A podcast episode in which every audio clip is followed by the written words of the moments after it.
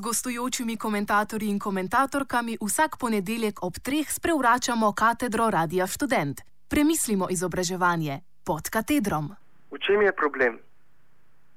Univerza, šola, izobraževanje in raziskovanje so v nenehni turbulenci. Čez zgodovino je univerza bila tudi ključen del gibanj in družbenih premikov. Vprašanje pa je, kakšno vlogo ima v družbi. Ideali, ki so sem pa tja bili kdaj celo v marginalni obliki uresničeni zato, da so se ohranjali, se zdijo kot cen, zgubljen tam nekje v nevednosti. Sodobni problemi, s katerimi se soočamo, so kot domine, ki se povezujejo najprej vrtci, kjer država nenehno ne ve, ali grejo v del šolstva ali v profesionalizirano varstvo, ki se ga nalaga staršem. Devetletka v osnovni šoli, ki več ali manj nalaga in obremenjuje otroke že do onemoglosti, da imajo toliko dela, da skoraj ne vejo več, kaj delati. Srednje šole, ki se ne znajdejo ne v serviranju poklicev in ne v pripravljenosti na višji in visoki študij, ter ne na zadnje univerza, akademijo in raziskovanje, ki kar tiči in tiči, tako da tudi zadnji prazniki, novi načrti za leto 2014 so raje prazni, kot da bi se nadejali veselega ali upajočega leta. Ampak da ponovim nekaj teh pozabljenih idealov, kar se tiče univerze. Pojem univerza izhaja iz latinske sintagme universitas magisterium et scholarium, kar je skupnost predavateljev in šolarjev učencev kar pomeni neko enotno kategorijo skupnosti, organizacije v nekem prostoru. V večini primerjih se je to pod univerzo mislilo samo študentsko populacijo, danes pa je ravno obrnjeno. Današnji imaginari univerze je nek kompliciran, rigiden sistem, kjer je bolje molčati in delati, ter iti v neznano. Študentska populacija gre pa skupaj s socialno-ekonomskim statusom, ki ga zaobjema študentsko delo. In ne, da bi iz besede študent šel tudi glagol študirati, kar naj bi bil namen, ki se kot ideal izgubi tam nekje med nikogaršno zemljo in domišljijsko literaturo. Naslednji ideal pa je akademija, ki jo dajemo ponovadi v nekakšen skupen koš tam nekje med imaginarijem in nikogarško zemljo. Ampak sprva je akademija povezana z grškim mitološkim junakom Akademosom in njegovim nasadom Olk, ki mu je bilo zaradi lastnikovih dejanj med vojnami prizanešano opustošenje. Ali kdo pomisli, da to velja tudi danes? Ta nasad Olk potem kupi Platon, ki ga potem preoblikuje v filozofsko šolo. Sodobna univerza je v krizi pravzaprav od konca 60. in 70. let prejšnjega stoletja. Oblast ali politika vidi vlogo univerze v servilnosti gospodarstva in to terminologijo različno preoblikuje. Gre pa za isto stvar. Prej industrija znanja, kar je tu pa tam omenjal še prejšnji minister Turk, sedaj družba znanja, univerza po potrebah, aplikativno in tako naprej. Ta ideja po uporabnosti, servilnosti za politiko je od njene ustanovitve že od srednjega veka, na kar opozori Kant v sporu fakultet. In ta spor je političen, torej ne idejni, ne imaginarni, ne izmišljeni, ne gospodarski in tako naprej, ampak političen problem. Sodobni status študenta je ekonomski status in ne kakšen študijski, univerzitetni ali akademski.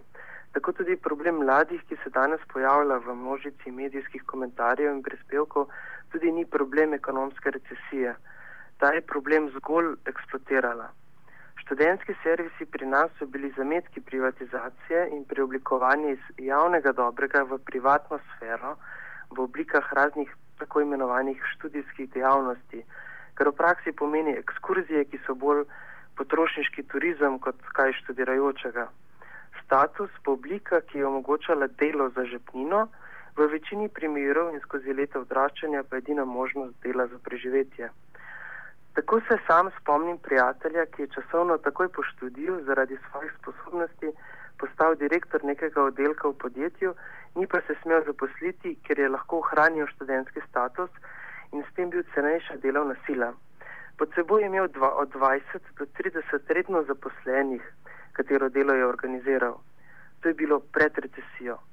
Torej, moje vprašanje je, kje je problem? Eden od problemov pred leti je bil, da je univerza ne pripravi študente dovolj za delo ali zaposlitev. Zato so se spomnili bolonske reforme, kjer se študij preoblikuje v delo, naprimer tudi število strani prebrane literature, numerično kvantificiral čas dela, pripravi programe, skratka, kjer bi študent v delovnem času delal 8 ur za svoj študij.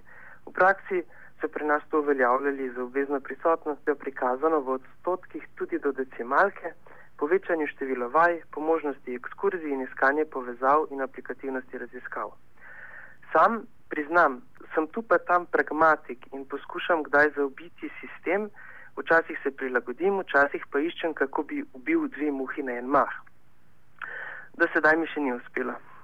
Tako pa sem poskušal pred leti združiti ekonomsko delo s študijskim in to s tem, da sem prevzel ekonomsko logiko študija in upal, da bom imel od tega dve muhi na en mah. Neko podjetje oziroma organizacija me je povabila na ustanavljanje nekih novih storitvenih objektov v tujini. Sam sem bil navdušen, saj šlo za dobro plačeno delo, iz študija etnologije in kulturne antropologije pa sem mislil, da bom naredil dobro raziskavo nekje druge, kar je nekakšen ideal v naši vedi. S tem pa zadovoljil tudi vsem idejam aplikativnosti in vsem tem skropencalom. No, problem je bil, da v danem sistemu servilnosti univerze v gospodarstvu tega nisem smel uresničiti, ker ne bi zadovoljil teh kvantitativnih meritokratskih pogojev dela za študijski sistem, torej prisotnosti v odstotkih v študiju. Torej, ne pozabimo, da je bil namen te prisotnosti, da oblikujemo kodekse vedenja in obnašanja za delo, pardon, za poslitev. Vode je padlo tako delo v tujini, raziskava in uresničevanje neke servilnosti s tem sodobne ideje univerze. Edina rešitev je bila tiho bodi in delaj naprej v bolonskem sistemu. Problem študija servilnosti univerze za gospodarstvo je enostavno v tem, da je nemogoč. Da vidite, to ne drži, ker ustreza neoliberalnim govoričanjem aplikativnosti vojaških storitev, informacijskih tehnologij, farmacije in tako naprej. Ampak čakajte malo. Kaj smo pozabili na konfucijsko primerjavo o učenju in lovljenju rib?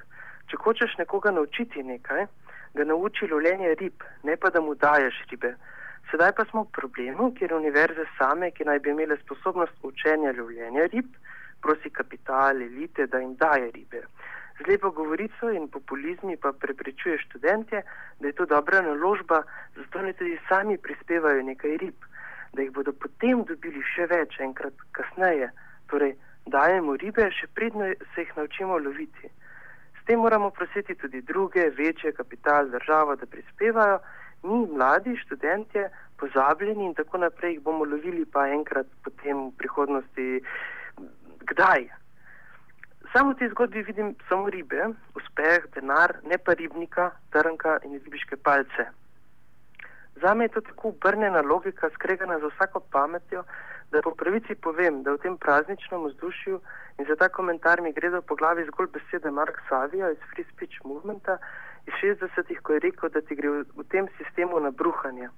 In s tem sistemom mislim univerzo, izobraževanje in raziskovanje.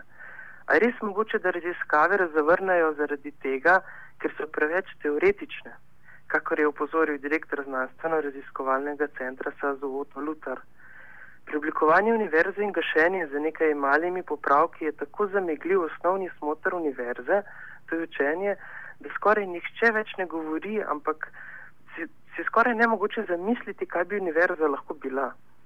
Preoblikovanje v popularno univerzo s prihodi rib, ali je to iz Balkana ali Kitajske, ravno tako, kot če bi izsušil ribnik in potem prosil druge, da ti pripeljajo ribe.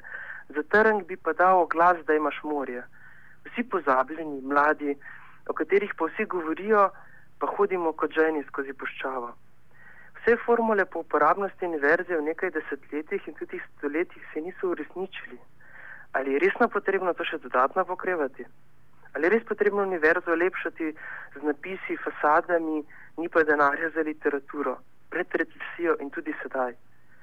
Ali res hočete politično univerzo, ki je iskreno že sedaj politična in prislinjena oblasti, ker ne veš, ali to je profesor učenjak ali predsednik stranke ali pa samo to hoče biti, pa je razočaran, ker ni, ali pa ker m, kot minister ni mogel uresničiti svojih sanj.